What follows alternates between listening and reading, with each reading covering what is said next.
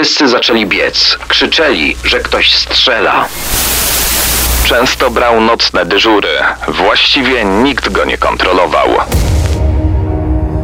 Sceny zbrodni w RMFFM. Proszę nastawić się na długą odsiadkę ze scenami zbrodni. Dziś na Wasze życzenie wracamy do najdłuższych wyroków. Pamiętajmy jednak, że te najdłuższe wyroki nie zawsze oznaczają najbardziej brutalne zbrodnie. Tak, bo wiele krajów jako maksimum uznaje dożywocie, czy na przykład 25 lat.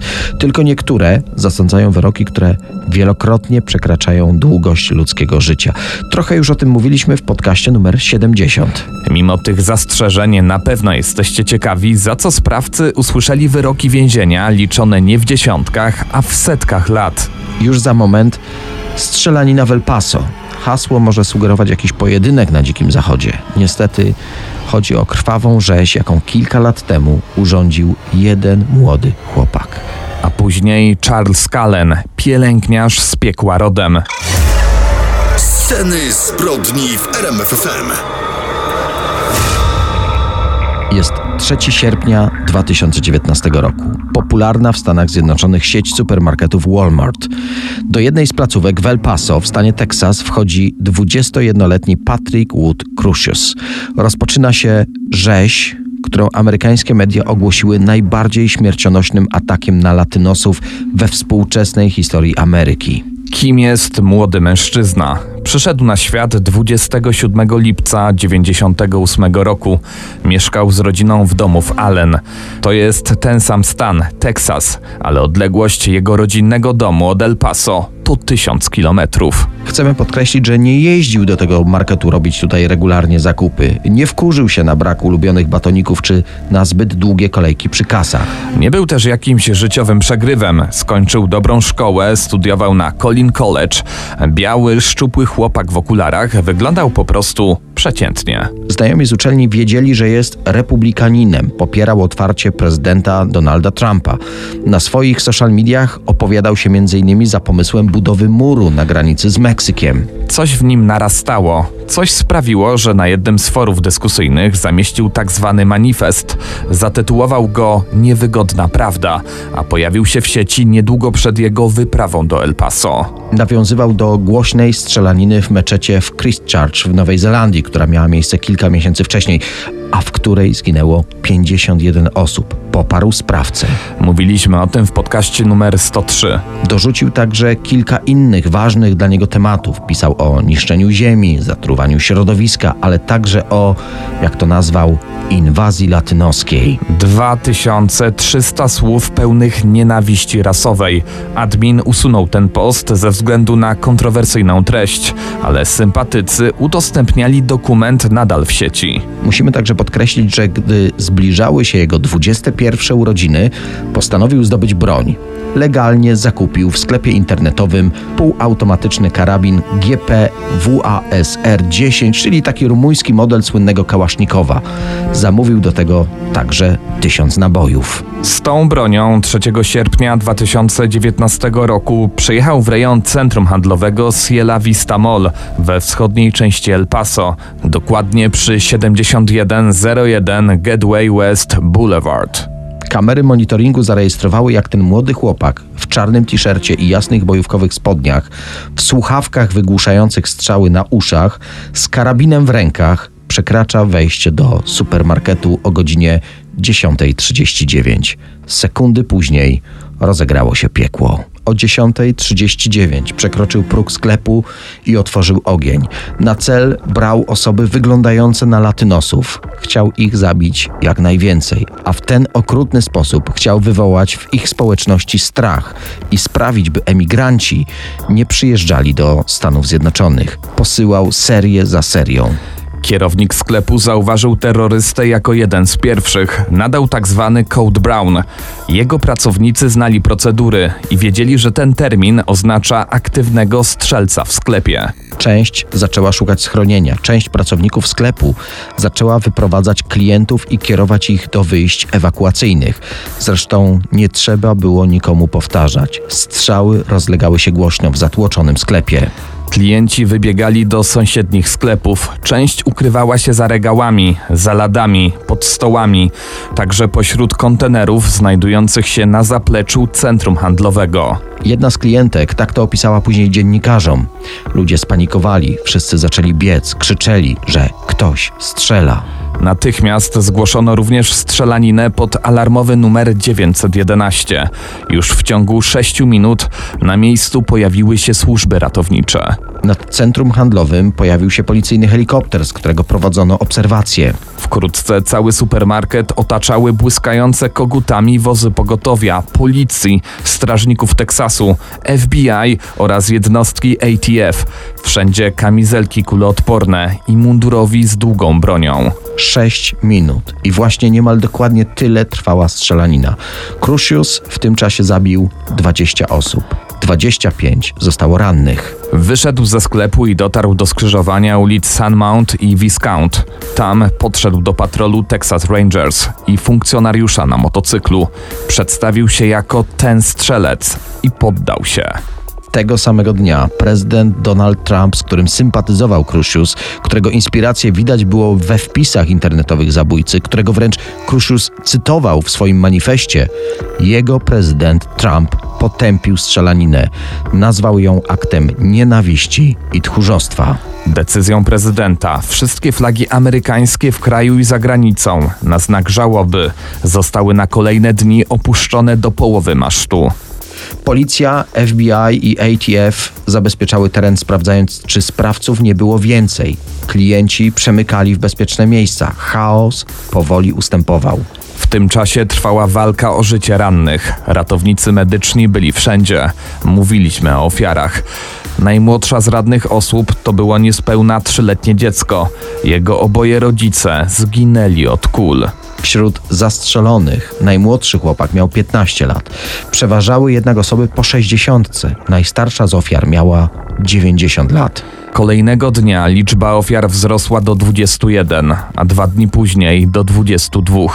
Dwie osoby w szpitalu w stanie krytycznym zmarły. 23 ofiara walczyła o życie przez niemal 9 miesięcy. Ostatecznie wskutek ran odniesionych w tej strzelaninie zmarła w kwietniu 2020 roku.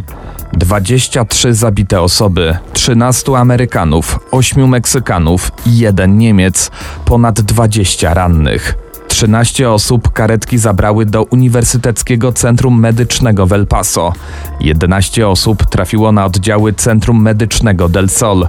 Dwójka dzieci, 2 i 9 lat, trafiło do miejscowego szpitala dziecięcego. Ogromna tragedia i niezwykła solidarność mieszkańców El Paso. Zabójca osiągnął dokładnie odwrotny skutek niż planował.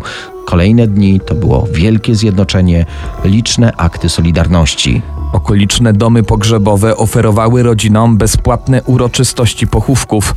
Na pogrzebach pojawiały się setki osób. Kwiaty i wiązanki przesyłano z całego świata. Tysiące osób pojawiło się w jednym z parków ze świecami na wieczorne czuwania. Okoliczne miejscowości zbierały się i mieszkańcy wysyłali latarkami telefonów komórkowych światło jedności w kierunku El Paso.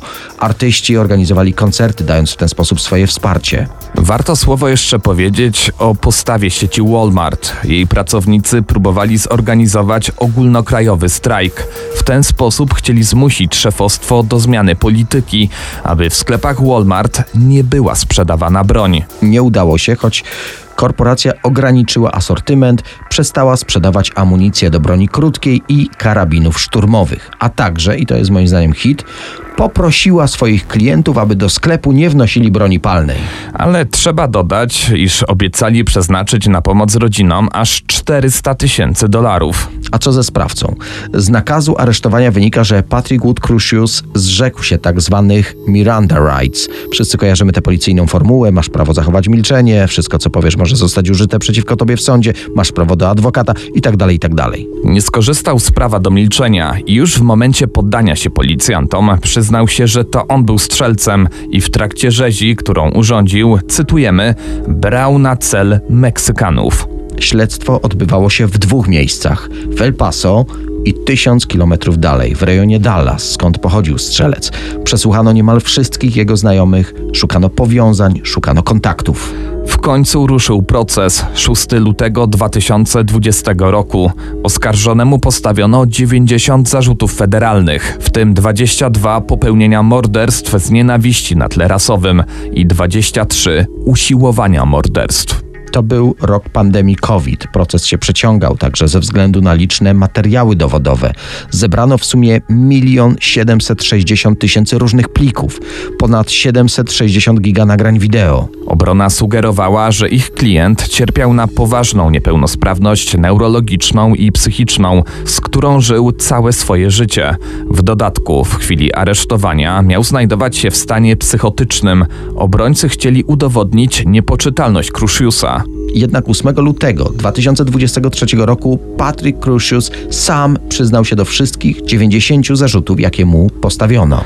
Prokuratura ku zaskoczeniu części opinii publicznej nie domagała się dla niego kary śmierci.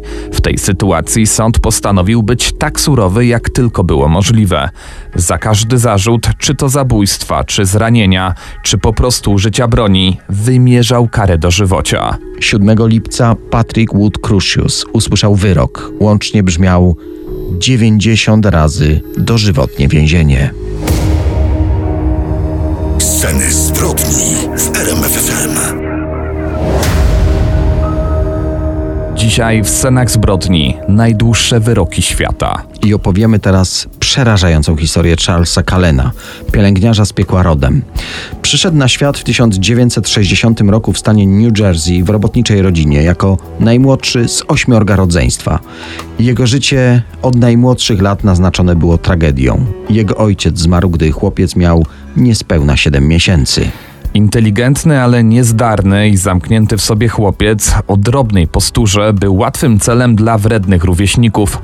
W wieku 9 lat po raz pierwszy próbował odebrać sobie życie, wypijając zawartość zestawu chemicznego. Gdy miał 17 lat, jego mama zginęła w wypadku samochodowym i to wydarzenie przygniotło nastolatka dosłownie. Jak wspominał po latach, bardzo dotknęło go to, że szpital zwlekał z poinformowaniem go o śmierci mamy.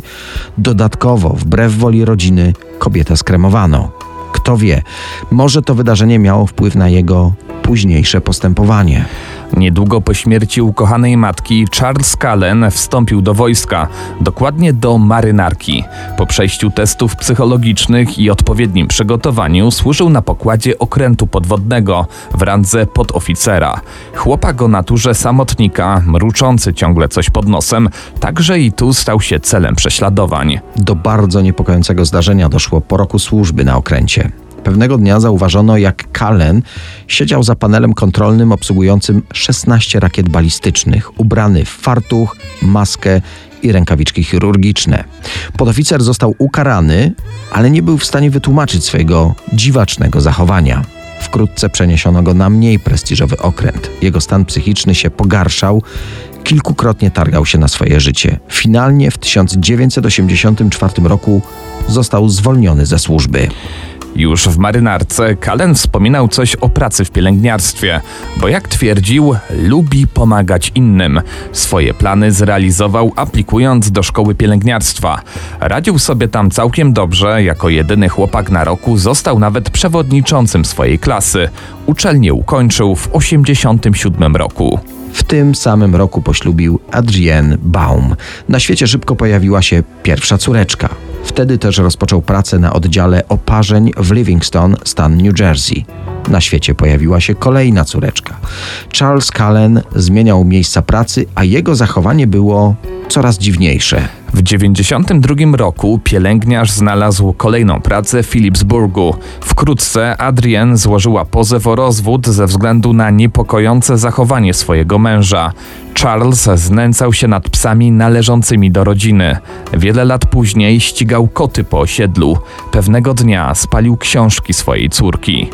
Ostatecznie stracił prawo do opieki nad swoimi dziećmi.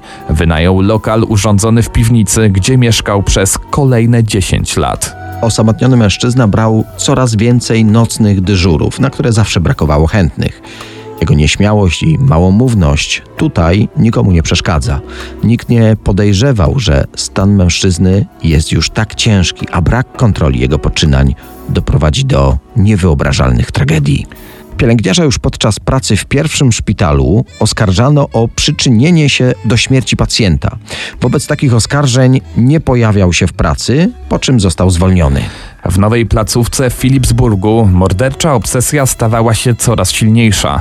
Podejmował pracę na oddziałach, gdzie stan pacjentów jest bardzo ciężki. Mogą umrzeć w każdej chwili, dlatego personel medyczny ma dostęp do najsilniejszych preparatów. Często brał nocne dyżury, właściwie nie był kontrolowany. Nikomu nie wydawało się specjalnie dziwne, że statystycznie na zmianach Kalena umiera najwięcej chorych. Kolejne poważne podejrzenia padają na tego wyrodnego pielęgniarza w 1993 roku. 91-letnia Helen po operacji nowotworu piersi dochodziła powoli do zdrowia. Rokowania były dobre. Pewnego dnia do jej łóżka podszedł Charles Cullen i zrobił kobiecie zastrzyk. Nazajutrz pani Helen zmarła z powodu niewydolności serca. Tajemniczy zgon badała prokuratura. Szybko okazało się, że pielęgniarz nie powinien wykonać wspomnianego zastrzyku. Pobrane tkanki zmarłej zbadano pod kątem setek różnych toksyn. Nie wykryto wówczas żadnych anomalii. Na liście badanych substancji nie znajdowała się digoksyna, często wykorzystywana w leczeniu chorób serca. Mężczyzna borykał się z coraz większymi problemami psychicznymi i finansowymi. Jakiś czas po rozwodzie oświadczył się swojej koleżance z pracy. Kobieta odrzuciła jednak jego zaloty. Rozczarowany adorator prześladował wybrankę. Pewnej nocy wybił szybę w jej oknie, włamał się do domu, gdy ona spała. Sprawa trafiła na policję i szaleniec został skazany na rok więzienia w zawieszeniu. Depresja Charlesa pogłębiała się. Miał długi, nie płacił alimentów, kolejne próby samobójcze. Pracodawcy nie wiedzieli o jego gigantycznych problemach psychicznych. Brakowało też rąk do pracy w tej specjalności, dlatego wkrótce wrócił do pracy w szpitalu. Kolejne podejrzenia padają na mordercę 8 maja 98 roku. Tego dnia ktoś podał insulinę starszemu pacjentowi w Allentown, który ze względu na rozrusznik serca absolutnie nie powinien jej przyjmować. Mężczyzna zmarł. Oskarżenia padły na pielęgniarkę, Kimberly, która odpowiadała za tego chorego. Kobietę zwolniono, jednak stanowczo przekonywała, że nie ma z tym nic wspólnego. Poinformowała śledczych, że to Charles Cullen może stać za tą zbrodnią, bo opiekował się sąsiadem poszkodowanego. Sama widziała, jak kradnie on z placówki bardzo silne leki. Kalena zwolniono dopiero kilka miesięcy później z powodu naruszenia protokołów podawania leków, a sprawa, tak jak dziesiątki poprzednich, jakoś się rozeszła. Już kilka dni później morderczy pielęgniarz znalazł nową pracę. Szpitale nie przekazywały sobie prawdziwych referencji na temat pracowników, dlatego zmiana pracy oznaczała koniec dawnych problemów i nową, czystą kartę. Wkrótce następny podopieczny Kalena umiera z powodu zatrzymania akcji serca. Na krótko przed śmiercią w organizmie 78-latka wykryto śmiertelną dawkę digoksyny. Kolejne lata to następne szpitale i rosnąca ilość zgonów na zmianach Kalena. Placówki medyczne, aby dbać o swoją renomę, za wszelką cenę wyciszały niewygodny temat nietypowych zgonów i nie zawiadamiały policji. Tak w tej historii docieramy do czerwca 2003 roku. W centrum medycznym w Somerset aparatura zaalarmowała o nagłej niewydolności serca pani Han. W jej krwi wykryto digoksynę, lek, który nie był jej przepisany. Wewnętrzne śledztwo wykazało, że Charles przeglądał elektroniczną dokumentację pacjentki, mimo tego, że się nią nie zajmował. Dodatkowo na przełomie maja i czerwca w placówce doszło do dziwnych incydentów zagrażających życiu pacjentów. W tym wypadku wszystko wskazywało na przedawkowanie insuliny. Szpital odrzucał jednak podejrzenia o celowe działanie na szkodę pacjentów. Sugerowano, że przykład wysoki poziom digoksyny jest spowodowany zieloną herbatą, którą namiętnie piła pani Han. Wkrótce Kostucha zawitała do 68-letniego księdza Floriana.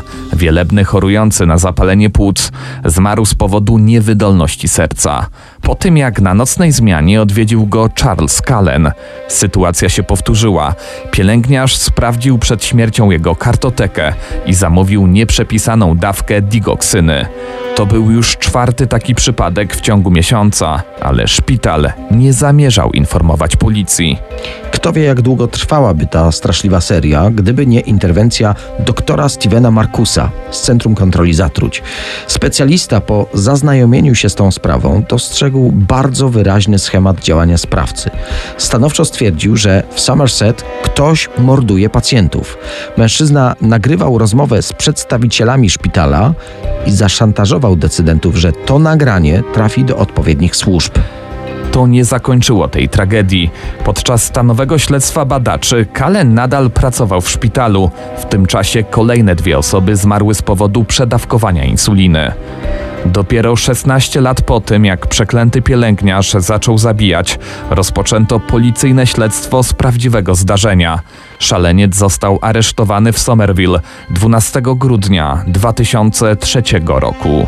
Wkrótce opowiedział śledczym, że podczas 16 lat pielęgniarskiej pracy zamordował 40 osób. Udowodniono mu 29 ofiar.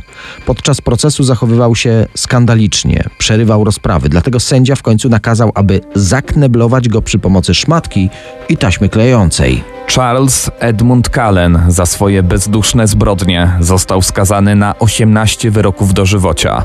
O zwolnienie warunkowe może starać się najwcześniej w 2403 roku. Pielęgniarz z piekła rodem twierdził, że zabijał pacjentów, aby przerwać ich cierpienie.